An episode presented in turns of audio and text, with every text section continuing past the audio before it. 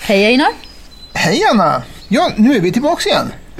Fårpodden is back. Fårpodden is back.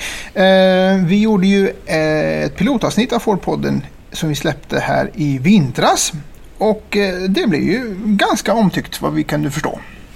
Ja, vi upplevde er lyssnare som väldigt snälla och uppmuntrande. Och när vi frågade om vi skulle göra fler avsnitt så var väl eh, det ganska samstämmigt ja. Ja, visst var det så. Så vi har fått i uppdrag att göra fler fårpoddar. Ja, Fårpodden är ju alltså Svenska Fåravelsförbundets egen radio. Och eh, nu har vi fått i uppdrag att göra ett antal till avsnitt av den här radion. Så under, ja, under andra halvan av 2018 så kommer det åtminstone fem avsnitt om aktuella ämnen. Idag kommer vi börja med att prata med styr, förbundsstyrelsens nyinvalda medlemmar. Ja, vi fick ju in två stycken nya medlemmar i styrelsen vid förbundsstämman i våras. Eh, Anna Olsson och Thomas Eriksson. De ska vi prata närmare med och se vilka hjärtefrågor de har att driva i styrelsen. Plus att vi ska prata med Gudrun som är vår nya ordförande. SFs första kvinnliga ordförande på 101 år kan vi tillägga. Japp. Det var henne måste vi också prata med. Ja, eh, och redan nu så kan vi då berätta att nästa avsnitt av Fårpodden eh, kommer att handla om semin, fårsemin. Mm. Och det avsnittet är nästan klart så att det kommer snart efter detta avsnitt. Håll utkik efter vår Fårpodd nummer två som handlar om semin. Men som sagt, idag pratar vi med Thomas, Anna och Gudrun. Ja, Hej Gudrun! Hej! Nu har vi setts i Stockholm och då passar vi på att prata lite med dig och eh, om din nya roll i Svenska Fåravelsförbundet som ordförande. Det här är jättespännande och vi har ju haft eh, ett eh, två dagars styrelsemöte här uppe i Stockholm. Som har varit väldigt intressant och mycket diskussioner och bra diskussioner. Nu har du kommit in i den här rollen och det har hänt väldigt mycket under våren. Det har varit intensivt rovdjursläge först med Mostaberg, angreppen och Ja. all- allt som hänt runt det och den här manifestationen vi gjorde och namninsamling och sen torka nu då. Men det har hänt väldigt mycket och det har varit rätt intensivt. Men att vi eh, jobbar på och hoppas att det löser sig. Manifestationen gick ju bra trots att vi fick aktivistbesök. Mm. Men vi har varit ju inbjudna till riksdag regering och överlämnade namninsamlingarna och framförde våra åsikter om ersättningar och hur det är att leva i Mm. rovdjursland. Det kändes som det landade rätt där eller? Det landade rätt och vi har fått väldigt mycket gehör både från politikernivå och respons från medlemmar att det är rätt. Och vi måste ju trycka på så mycket vi kan så vi ser att det blir ett resultat också. Mm. Ja, jag, jag tror att många frågar sig, kommer det bli någon skillnad på Fåravelsförbundet nu när vi har en ordförande som är rovdjurs, också är rovdjursansvarig? Det? sätter ju säkert sina spår för jag har ju jobbat med rovdjuren länge och har liksom haft det i fokus. För rovdjuren påverkar oss så markant i all vår annan fårverksamhet, lammuppfödning. Mm. Så att får vi inte ordning på rovdjuren så liksom får vi ingen rov att jobba med det andra heller. Nej, det går inte att driva en långsiktig lammproduktion. Inte en långsiktig lammproduktion under lugna förhållanden. Det är Mm. alltid rovdjuren som ligger och, och tär energi och tär oro. När kommer ett angrepp? Får jag någon hjälp? Får jag någon ersättning? Hur kommer det här att drabba mig? Och, och den, den oron tär väldigt mycket på fårägarna ute i bygderna. Mm. Ja, man kan säga att det tär på förbundet också. Det tär på Men det är en fråga också. som vi ja, Och den är vi alltid levande och den, måste. den måste vi ta och jag måste ha levande. Ja, vi kommer inte ifrån det. Men du har jobbat med rovdjursfrågor inom LRF också, Ja. innan du började för SF. Mm. Och du har... Ja, berätta om ditt LRF-engagemang lite kort. Jag har ju varit LRF-medlem sedan eh, början på 80-talet, slutet på 70-talet. Jag var med i LRF-ungdomen. Jag sitter i lokalavdelningen och där har jag varit sekreterare och är fortfarande. Och varit invald i LRF regionstyrelse för tio år sedan nu. och är där då rovdjursansvarig och omsorgsansvarig. Okej. Vad betyder det omsorgsansvarig? Då har jag hand om och en övergripande över djurskydd och omsorgen om bonden, människan. Alltså du blir inkopplad när det är... Djurskyddsfall. När, eh, som, eh, nu har vi en bondekompis i länet också så det är jag som är då omsorgsansvarig och så har jag hjälp av en bondekompis. Men det är alltså både se helheten, människan som blir drabbad Mm. och hur djuren har det och, och framförallt vill vi komma in i tid så vi kan vara före och avhjälpa ett eh, föreläggande eller att vi kan gå in så tidigt så att vi kan säga att försök att göra så här tills, och då kan vi hänvisa till rådgivning både ekonomisk och rent praktiskt. Ja, stötta helt för enkelt. att stötta upp och eh, förtydliga hur det blir om det inte Mm. Försöka förebygga Ja. djurskyddsfall Ja. så att djuren aldrig behöver... så långt det är möjligt. Så, ja. Vi hoppade över en fråga här i början som jag hade tänkt be dig berätta om och det är dina får. Ditt fårföretag. Mm. Jag är ju lantbruksutbildad, uppväxt med mjölkkor. Har jobbat som avbytare en herrans massa år. Jag tror det varit 18. Och haft egna kor. Som vi sålde 2007. Jag skaffade mina första får 81. Två finelstacker. Och då skaffade jag dem som så många andra. Man hade en vallhund att träna. Mm. Men att det vart finull var för att jag redan då var intresserad av hantverk och ull och skinn. Och då hade vi då 30 mjölkor, 150 tackor ett bra tag från 98 och framåt. Och idag så är det 500 tackor. 98 skaffade jag mina första gotlandsfår. Idag är de flest. Vi har några läster och eh, 140 finor. Mm. Jag förädlar alla skinn och säljer själv på marknader. Syr så mycket jag bara hinner. Och vi lammar två gånger om året stora lamm med finel på hösten och gotlänningarna på våren. En liten lamning i januari ibland när vi inte får dem dräktiga på hösten. Man får parera in lite. Så du har, så har du 500 tacker. Mm. Lamning två till tre gånger om Mm. året. Mm. Du säljer, förädlar själv och Ja. säljer alla skinn Ja. och du jobbar med omsorgsgrupper och- rovdjursfrågor för LRF och är ordförande i Ja. Fåravelsförbundet och rovdjursansvarig. Och då infinner sig frågan, har inte ditt dygn 24 timmar? Jo, det har det. Har du några tips man till mig som man- inte får dygnet att räcka till? När... Jo, men eh, man får ta vara på de små stunderna för att kunna få några långa stunder också. Ja. Mm. Jag förstår inte hur du får ihop det, men du får ihop det uppenbarligen. Och vi vi är tacksamma för detta. Med hjälp av andra, ja. Nej, men my- mycket jobb är då, djuren går alltid först. Mm. Och sen får man försöka trixa och knixa. Men jag upplever det som att du är närvarande, alltid. Jag har Ja. aldrig sökt dig utan att få tag på dig. Nej. Väldigt snabbt. Jag att det... har den med mig. mm. Ja, vi är tacksamma. Hoppas att du, att du inte tar på dig själv för mycket. Jag får delegera. Och Precis. eh, mycket, styrelsen är på tå tycker jag. Jag tycker det är en jättebra styrelse. berätta om den nya styrelsen. Hur du upplever den. Jag upplever den som att vi, vi är en styrelse. Vi är vi tillsammans. Och alla är liksom att nu ska vi försöka dra det här lasset gemensamt framåt. Mm. Och eh, jag upplever att vi, vi är på tå och eh, vi drar det här.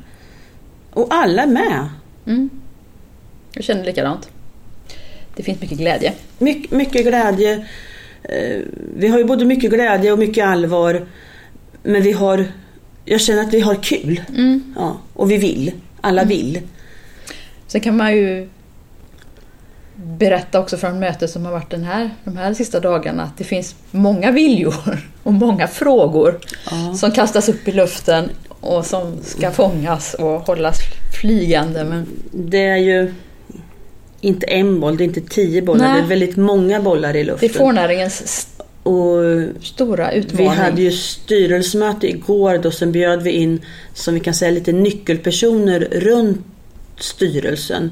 Valberedningens ordförande, nu var inte förtroenderevisor med, eh, representant från riksdomarna och och uh, Ulf från Elitlam. Och Thomas från Och lammproducenterna. Thomas från lammproducenterna. För att knyta ihop lite nyckelpersoner och få Och Victoria från LRF Kött också. Victoria från LRF Kött. Mm. För att liksom samla hela fårnäringen och ha en gemensamt mål framåt och försöka fånga de bollarna vi har. Och framförallt komma ihop och diskutera vi tillsammans. Mm. Och det har vi verkligen gjort. Mm. Ja men det var roligt. Ja. Det var... Och alla har uppskattat det. Var, det har gett Mm. många frön är satta om jag säger så. Mm. Nu har vi ju de här akuta frågorna som vi jobbar med. Och vi har handlingsplanen, vi har lammlyftet och vi har många projekt som löper. Vilka, vad skulle du säga är de, våra största frågor? Viktigaste frågor kommande åren? De, de viktigaste frågorna som jag ser det är ju lönsamhet. Och det är på hela fåret. Vi har både kött, skinn och ull. Landskapsvård. Och vi måste lyfta alla bitar. Mm. Och nu har vi ju ullen som vi säger från vita fåren. Och det är alltså ullen från produktionstacker, korsningsdjur, köttraser. Som vi börjar se en marknad för. Mm. Och, och där har vi också en stor poten- potential att höja värdet på den ullen. Mm. För får har ju inte bara kött. Alla får har ju en, både en skinn och ull. Vi har ett jätteintressant projekt igång med nappa, avhårade lammskinn. Och det är också från köttrasfår, korsningsfår. De skinnen som inte har sån kvalitet som kan behålla de med ull på. Mm. De blir nappa och det är då Och det är de skinnen som har sålts till slakteriet för väldigt små pengar. Ja, nästan inte. Nästan Inget alls. ingenting. Gått utan- på export i stort ja. sett. Och nu har vi, har vi samarbete med ett eh, garveri uppe i Norrland, Kero uppe i Pajala, som garvar mycket ren. Som har gjort en testgarvning på Nappa, jättefina. Och de nu har vi fått branschpengar från LRF. Så vi ska Mm. köpa en skinn och göra en, en, eh, komma igång med en testgarvning. Så att det kommer att bli förhoppningsvis en svensk kvalitetsprodukt. Ja. Och så hoppas jag mycket fram till hösten att vi kan få en svensk stämpel på när hela kedjan är i Sverige för att höja det svenska värdet på Mm. skinn och ull. Det är ganska stora förändringar Det är ganska stora förändringar. Men det är, ju, det är ju vårat mervärde som vi kan ta betalt för. Sen måste vi ju givetvis jobba med frågorna som vi har jobbat över tid med. med fruktsamheten och kvaliteten, höja Mm. kvaliteten på slakten. Och, och se möjligheterna att hitta, trimma sin egen lösning. Jag, jag skulle vilja se att vi kunna förmedla mer lamm till vidareuppfödning till de som inte har möjlighet att skicka stora leveranser eller så många taget för att verkligen sortera ut dem så att de går till slakt vid rätt tid. Mm. Höja kvaliteten till Höja slakteriet. kvaliteten till slakteriet. Kommer Då det kunna det påverka vår, slaktavräkningen så att den Då blir kommer det bättre? höja vår avräkning. Mm. För det är väl ett av branschens stora problem. Att Ja, vi måste, Betalningen för ja, vi måste höja vår, låg. Vår inkomst. Va? Och då måste vi se alla delar. eh, vad, är det, vad är det bästa med svenska får? Svensk fårnäring? Vi har så stor potential av alla alla raser har en möjlighet och det här vi har sagt alla lamm behövs. Att alla lamm behövs verkligen. Men vi måste se till att vi säljer dem till den kvalitet som kunden vill ha. Så vi ha- hamnar rätt i både vikt och formklass. Och då menar jag att även allmogefåren, finullen, Gotland, alla liksom kan, kan hamna in i rätt, rätt klass. Mm. Sen kanske de tar, vissa tar lite längre tid på sig att föda upp. Men eh, jag har ju själv lantras finull Gotland och vet att det är fullt möjligt. Mm. Vad, vad, vad menar vi när vi säger alla lamm behövs? Vi har ju en växande efterfrågan från konsumentsidan på lammkött. Och vi ser att konsumtionen ökar ungefär med 8,5 procent per år. Och produktionen har bara ökat med 1-2 procent. Och för att möta den ökade konsumtionen så måste vi öka antal lamm. Mm. Och då behövs alla lamm. Mm. Mm. Och sen tänker jag också att eh, svenska får, vi har en stor vidd. De har olika specialiseringar och Ja. det är inget fel med det. Utan, Nej, vi ska, vi ska inte se det som ett hot. Vi ska se det som en möjlighet. Mm. och ta vara på alla rasers specifika egenskaper. Vad, vad är sämst? Hotet av rovdjuren. Väldigt mycket regelkrav. Och om vi inte får ett väl bemötande av myndigheterna. Mm. Det är det som kan få en att kasta in handduken, Ja, känner jag. framförallt om man känner osäkerhet att man inte blir bemött av myndigheter på ett bra sätt, att man inte tror sig få skyddsjakt. Att man måste överklaga i massa instanser för att få rätt. Att man inte blir trodd. Och, och det, är, det är ett väldigt hot. Förutsägbarhet både när det gäller rovdjur, regelverk, bidragssystem. Ja, allt egentligen. Ja, Ja. Vi är så himla beroende av. Sen just nu står vi ett ännu värre hot och det är torkan. Ja, Och, och den, den måste vi också hantera. Att vi måste uppmana alla djurägare att se över sina vinterbehov. Finns det foder tillräckligt eller får jag tag i foder tillräckligt? Finns det bete nu? Alla måste gå ut och känna på sina djur. Hur är hullet på varje enskilt djur? Vi ser ju det har börjat gårdsmönstras lite djur. Och eh, vi ser att de är lite magra. Mm. Kolla hull vid behov. Sätt in stödfodring, sätt in kraftfoder. Ja. Och se över vinterförrådet. Samarbeta med grannar om det går. Ja, sök, sök alla lösningar. Och skörda allt som finns att Och skörda. se på hemsidor på både LRF Gård och Djurhälsa på våran hemsida. Ja, det kommer ju ny information Hela löpande, tiden. hela Mm. tiden. Här. Tack så jättemycket Gudrun. Tack själv. Vi hörs igen. Det gör vi. Prata mer om de här frågorna. Nu sitter jag här tillsammans med eh, Fåravsförbundets nyvalda styrelseledamot Anna Olsson. Hej på dig! Hej hej! Ja, jag tror att eh, många vet nog vem du är men du kan väl presentera dig själv lite snabbt först. Vem är du? Ja, Anna Olsson som sagt bor utanför eh, Kungsör i Torpa.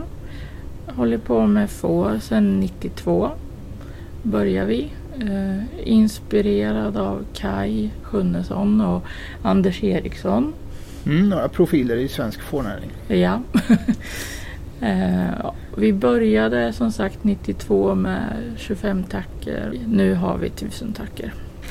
Så det Ja. har hänt en del på vägen.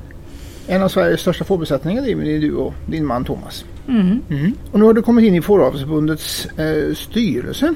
Och jag är lite nyfiken på vilka frågor, vilka hjärtefrågor du har och hur du tänker driva dem. En av sakerna som du kanske är mest känd för är att du driver rasen Dorset. Berätta Mm. lite grann om ditt engagemang för just den rasen. Ja, Dorset har jag haft sedan eh, 96 tror jag.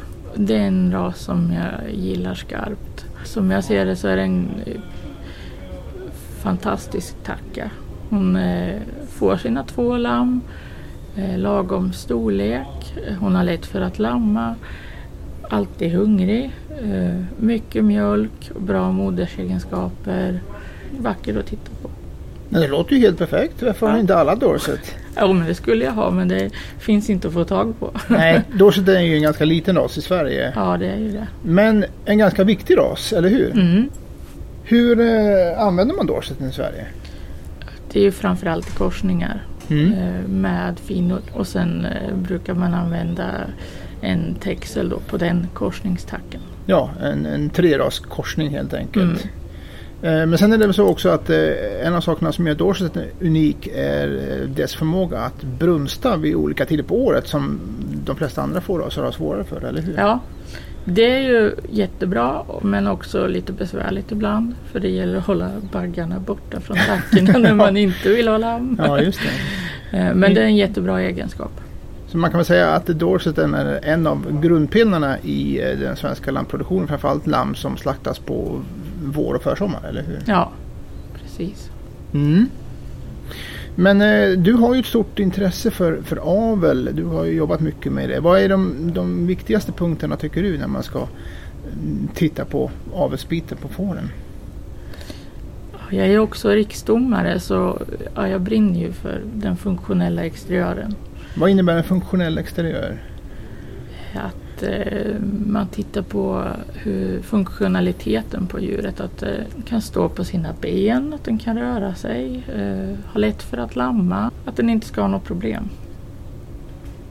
En funktionell exteriör är basen för att få en tacka som producerar bra och lever länge helt enkelt. Ja, Vad eh, har du tänkt att göra mer i, som medlem i SFs styrelse?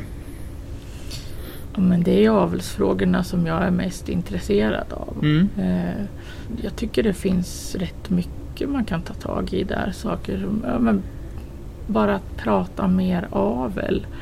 Jag är inte någon teoretiker eh, utan jag är mer praktiskt lagd. Mm.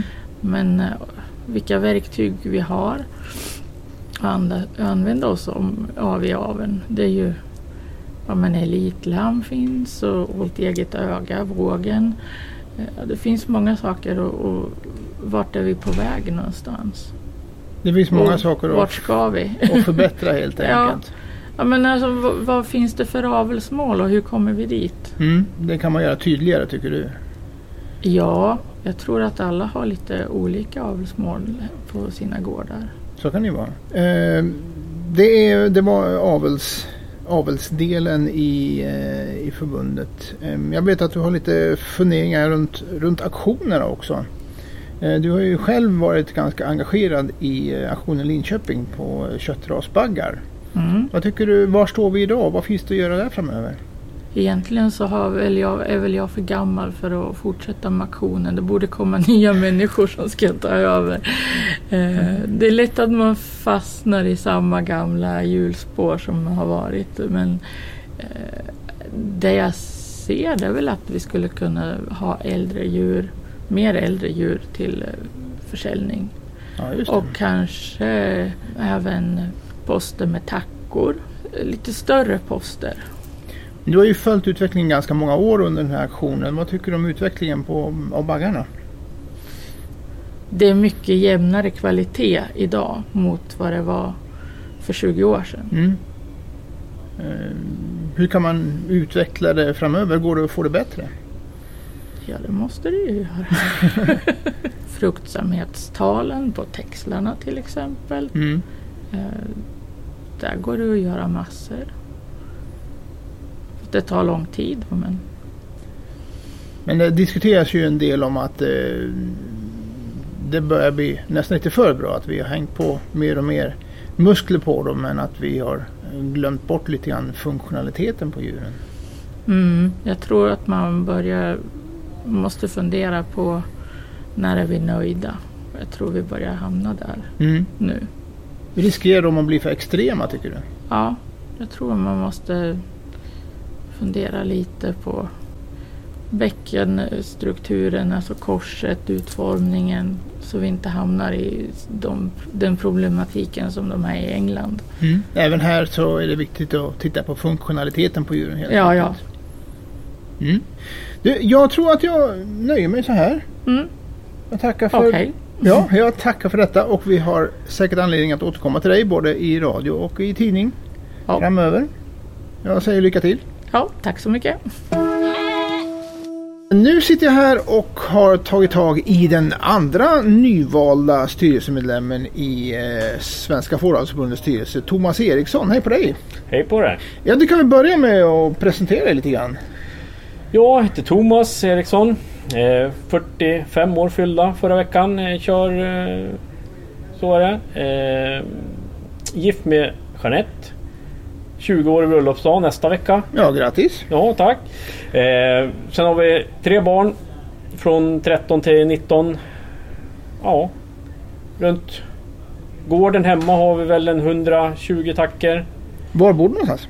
Jag bor i Liden som ligger i nordvästra Medelpad. Tillhör Sundsvalls kommun. Men Sundsvalls kommun är ju väldigt stor så vi sträcker oss ända in mot Jämtlandsgränsen faktiskt. Så jag har bara ja, två mil upp till Jämtland kanske någonting. Så att vi bor väldigt långt ja, in i landet då. Ja. Längs Mindåsälven upp. Så jag har ju en gudomlig utsikt därifrån. Vad har, ni för, vad har ni för produktion hemma hos er? Eh, vi har ju både vårlamm, höstlamm. Vår, vårlammen är lamning i december. Eh, fin och Dorset-korsningar mest. Texelfar. En klassisk Ja. kö- produktions, köttproduktionsgrupp då. Eh, brukar sälja de första till vecka mellan 12 och 14 någonstans. Så det går ju lämpligt till påsk. Mm. Sen har vi ju rekryteringen då, finull som vi korsar med Dorset och själv. Vi har eh, en grupp med gotlandsfår för att få eh, lite skinn. Och även då ullen från finullen och eh, gotlandsfårorna. Har vi klipper och försöker ta rätt på och försäljer själv då. Till framförallt lite lokala eh, hantverkare som köper av oss. Alltså jag vet ju att du brinner för entreprenörsfrågorna och det är väl lite så du har kommit in i styrelsen också. Kan du utveckla det lite? Jag misstänker att du tänker på det här med att vi försöker försälja eh, vårt eget kött under eget varumärke. eh, Och vi förädlar en del eh, på legor och, vi, och hela den biten då. För att vi, Utveckla det lite. eh, vi slaktar styckar på eh, slakteri som på lego då.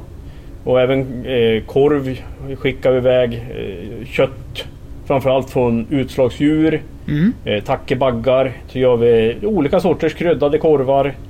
Eh, och, och den biten då. Och så på lite marknader och säljer. Köttet för, säljer vi framförallt eh, på en ICA Maxi butik då nere i Sundsvall som har eh, hjälpt oss egentligen. Som kom med frågan om vi ville börja leverera med, mot dem. Och för deras del tror jag var från början ett sätt att visa konsumenten att de tänker lite lokalt och försöka skapa en eh, Ja men en liten bra stämning liksom. Visa vad jag gör för bygden. Tänkte nog handlaren tror jag. Ja. Och då passade vi på eh, tog chansen då. Och nu har vi ju gjort det tror jag i sju år tror jag. Säljer ni hela er produktion på egen hand? Eh, hela höstlamsproduktionen då, det är någonstans mellan 80 och 100 lamm. Ja. Det säljer vi själv under eget varumärke. Under säsong. Vi, självklart kan vi inte leverera färskt kött hela, hela säsongen, hela året egentligen. Utan I princip allt kött slaktas, styckas, konsumentförpackas, fryses samma dag som det är förpackat. Allting. Och säljs fryst hos eh, de här butikerna. ICA. Två små lokala tempobutiker som också förser med kött. Då. Det där är ju väldigt intressant för att um, ibland får man ju uppfattningen att konsumenten vägrar att köpa fryskött. Det ska vara färskt året runt. Men det här är ett bra exempel på att det går alldeles utmärkt att sälja fryskött så länge det är lokalt. Ja, eh, det tror jag. Och det är det argumentet jag har när jag står ute i butiken och demar. För det gör jag ja, minst nästan två gånger om året. Höst och vår kanske. Påsk och eh, höstslakten nu då. Kanske blir nu den här kampanjen när man pratar höstlamm och den biten då. då och, och då funderar de på färskt kött. Då har du inget färskt? Nej. Och så förklarar man varför vi gör som vi gör. För att vi fryser det, för att ha hållbarheten. För att jag som liten inte kan eh, leverera färskt varje dag, varje vecka, varje månad. Utan man slaktar kanske var, en gång i månaden bara. Och sen framme i november, ja men då har jag inga djur kvar. För då är hela hösten borta. Men med att när du kan titta konsumenten i ögonen så är det inga problem att sälja fryst kött. Nej, jag, jag upplever inte det. Sen kan jag tro, vi har diskuterat lite hemma ibland och fundera och liksom lite... Eh, och, och att det kan vara så att norrlänningarna som jag nu representerar kan vara mera van att äta fryst kött för att vi kanske har mer fryst kött i frysen. Mm, för- Eftersom vi har jakten är så stor och viktig och framförallt älgjakten. Nej, jag tycker inte det är ett problem när man kan möta kunden. Men det, det bygger ju på att man ett engagemang från mig som producent, som säljare. I, i, I din roll nu som styrelseledamot i Fåravsförbundets styrelse, hur ser du att, att vi kan jobba med de här entreprenörsfrågorna i, i, i större mening? Jag tror att vi måste kanske försöka... Man ska, inte man ska inte härma någon som någon. Men man kanske ska titta på hur andra gör och kanske har gjort. För det som vi har gjort, det passade uppenbarligen oss. Det kanske inte passar på en annan plats, men man kan inte ha några delar av det. Det finns fler sådana exempel uppe i Västernorrland, även på nötkött. att man gör sådana saker. Men eh, jag, jag eh, tror att man kanske ska, och kanske det här året eh, nu när vi går in i har en torkperiod och många börjar få kalla fötter, fundera på hur ska jag kunna bra med mina djur? Det är slaktköer. Finns, ofta, vad jag har förstått på slakteriet hemma och runt omkring på de två som vi har nyttjat så finns det möjlighet att få slakta och stycka fall. Det har inte varit det största problemet utan slakterierna inte har eh, kanalen ut emot konsumenten eller butikerna. Då. Alltså det är fullt säger de. Ja. Medan jag har ju lyckats hitta ett sidospår och hitta andra kunder eller hitta kunder som kanske inte hittade lamm i vanliga fall. På grund av att man kan stå där och erbjuda den lokala biten direkt helst öga till öga och sälja den. Så du menar att eh, den här slaktkön som vi ser framför oss nu i, i höst kan man eh, med lite kreativitet kanske göra någonting åt som, som enskild producent? Men jag tror det. Man ska nog kanske undersöka saken och liksom och fundera. Vad kan jag hitta några andra vägar? Eh, Kan man hitta, ja men lite det här som Försöka ringa och fråga, ja men finns det möjlighet för ändå få slaktat? Styckat? Ja men göra, man pratar fryslager, fryssubventioner. Ja men jag kanske kan ta, sköta det själv utan subventioner för att det som vi också upplevt och det som vi har försökt med att sälja köttet själv. eh, Det är att vi håller samma höga pris året runt. Jag dumpar inte mitt pris bara för att marknaden dumpar sitt pris Nej, från nej. slakteriet. Så jag håller mitt samma höga vårpris på köttet ut till konsument hela året runt. Så egentligen så tror jag att jag tjänar bättre också på att göra så här.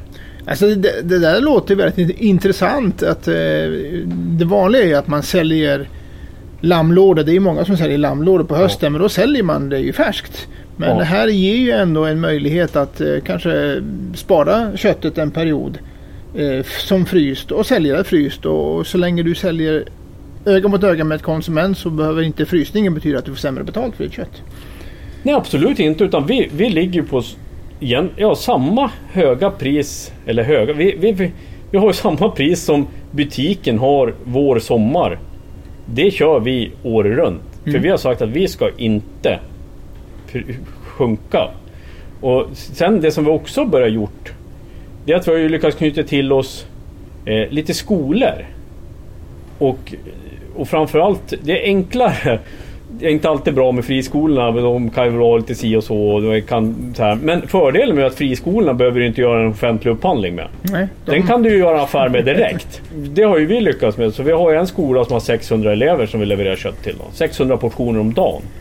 Ja, alltså idag så är, är ju svenskheten ganska viktig för många människor och i, i takt med att fler svenskar får upp ögonen för det problemet som den här situationen som vi har nu med torkan så, så känns det ändå som att det finns utvägar att, eh, för vissa, vissa producenter i alla fall att lösa sin avsättning själv.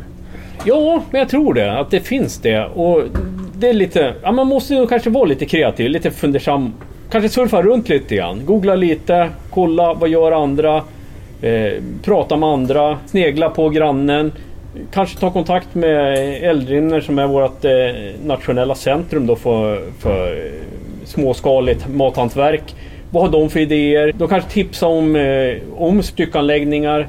Även om inte slakteriet kanske kan stycka åt det så kanske du kan få frakta djuren till en annan anläggning för att styckas med godkänd för styckning, få det packat. Det gäller att vara lite så. Och även de kanske man hittar ett litet charkuteri som kan göra korven åt en på utslagsdjur om man inte lyckas bli av med dem på annat sätt. Eh, röka kött. Vi har så- sålt ganska mycket vill jag säga rökt får. Och, och det är många som efterfrågar det och inte istället då. Då, då, och då kan man ju ta ut det där höga kilopriset. Så jag säljer rökt eh, får för 250 kronor kilo. Ja, vad får du för slakteri? 8 kronor? Ja men visst har en förädlingskostnad. Den man ju, måste man ju räkna med. Liksom man, eh, Ja, vi, vi kan konstatera slut, slutkontentan blir att med lite kreativitet så eh, finns det ganska många vägar att gå. Man behöver inte sätta sig ner och deppa ihjäl sig i detta läget i alla fall. Nej, det tycker jag inte. Eh, Självklart, man tittar brett. Ta kontakt med alla möjliga aktörer tror jag. Flera olika slakterier. Ja men mitt ordinarie slakteri säger en sak. Ja men kon kontakta någon annan om jag har någon vettigt i närheten. Jag provar det här med kanske kan jag sälja 10 lamm utav mina 100 själv? Ja men det är 10 procent. Ja men då är de borta. Ja, det är jättebra. Jag tror man måste vara öppen för eh, alla sinneslag. Det här blev ju ett ganska optimistiskt samtal. Det tycker jag låter bra för framtiden. Jag tror att vi får eh, avrunda men jag kommer jättegärna tillbaks till dig Thomas. Och eh, kan vi fortsätta de här diskussionerna framöver. Och, eh, vi får hoppas att det här kanske har sått något litet korn av optimism bland våra kollegor som just nu har det ganska tufft och jobbigt runt om i, i Torkan Sverige. Men jag tackar dig för detta. Jag får tacka för pratstunden och jag återkommer gärna och eh, folk får gärna återkomma till mig om man har funderingar på saker och ting. Jag finns ju här för våra medlemmar i, i, i Sverige, i får Sverige. Jättebra. Och kontaktuppgifter Thomas hittar ni på vår hemsida och på sidan 2 i tidningen Fårskötsel. Tack så mycket! Tack! Hej då! Ja, och Anna, vi sitter här i ett varmt och kvavt Stockholm och snart så ska vi sätta oss på tåget och åka hem. Hur är det hemma hos dig just nu i torkan, Anna? Ja, det, det är torrt. Det är varmt. Det har ju på Bohuskusten varit ungefär som i hela Sverige. Torrt sedan våren kom i början på maj. Vi har fått två slattar med regn egentligen under den här tiden. Så det, vi är ju inte värst drabbade, det är vi inte. Men gräset växer inte. Jag börjar bli orolig nu faktiskt. Mm. Jag, Har någon... jag har haft is i magen fram till denna veckan egentligen. Vad har du för strategi framöver? Eh, jag har börjat att stödfodra med kraftfoder sedan några veckor. Mm. Eh, jag hoppas att det ska komma regn så att det jag putsade av för två veckor sedan, att det växer någonting där. Jag har hoppas kunna få vinterfoder men det är inte i land än alltså utan det beror ju på... Jag köper foder. Men jag har ju grannar som kommer och fixar det åt mig om de kan. Men det är inte, det är inte hamn. Nej. Så att det, ja, det känns jobbigt. Mm. Det gör det. Mm. Absolut. Hur, går- hur går det för dig? Du har ju mycket djur. Ja, vi har ganska många djur. Eh, vi kan säga att för våran del, vi bor ju i Västergötland, vi eh, tillhör inte heller de som är svårast drabbat. Vi fick faktiskt en hel del regn över midsommar. Som gör att eh, hos oss åtminstone är grönt och inte brunt i huvudsak. Mm. Men eh, precis som du sa, sista dagarna här så har även jag börjat bli rejält orolig för hur det ska gå med våra djur framöver. Vi har inne knappt hälften av det fodret vi behöver. Mm. Eh, Vinterfodret, och- alltså. Vinterfodret vi behöver, ja. Och, eh, eh, vi bör, jag har inte börjat tillskottsfodra än men däremot så kör vi lite grann på plan B just nu. Vi betar åkermark som vi skulle ha tagit andra skörd på. Och vi betar även en del åkermark som inte skulle ha betats i år utan det skulle vi ha lämnat som parasitfritt välkomstbete till, Till våra nästa år. får nästa år. Men det är vi tvungna att beta nu. Så än så länge så skjuter vi problemen lite grann framför oss. Eh, Men kommer utan tvekan att bli problem även för vår del i vinter.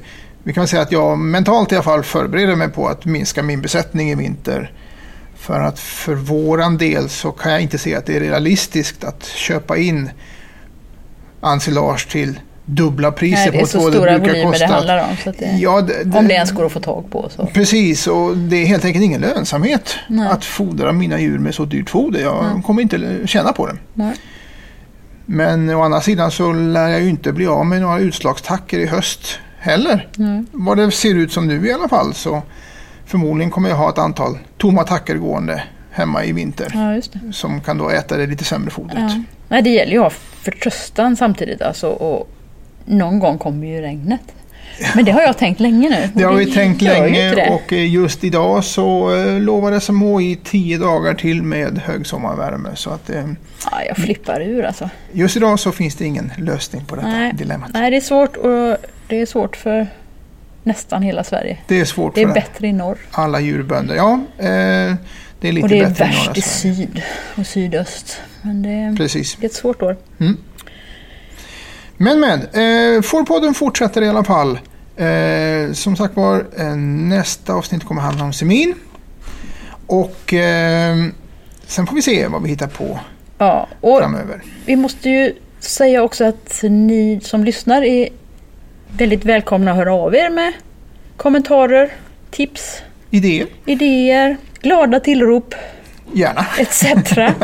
Maila hemsidan at faravelsforbundet.com. Det är nästan enklaste sättet att nå oss. Ja, och eh, håll utkik eh, när vi släpper eh, nya avsnitt så kommer vi att meddela detta på vår hemsida eller i vår Facebookgrupp. Så håll Ja. lite koll så märker ni när Nästa avsnitt kommer ut. Ja, och i veckobrevet. I vårt veckobrev som vi skickar ut per mail också. till alla medlemmar också. Ja, mm. precis. Mm.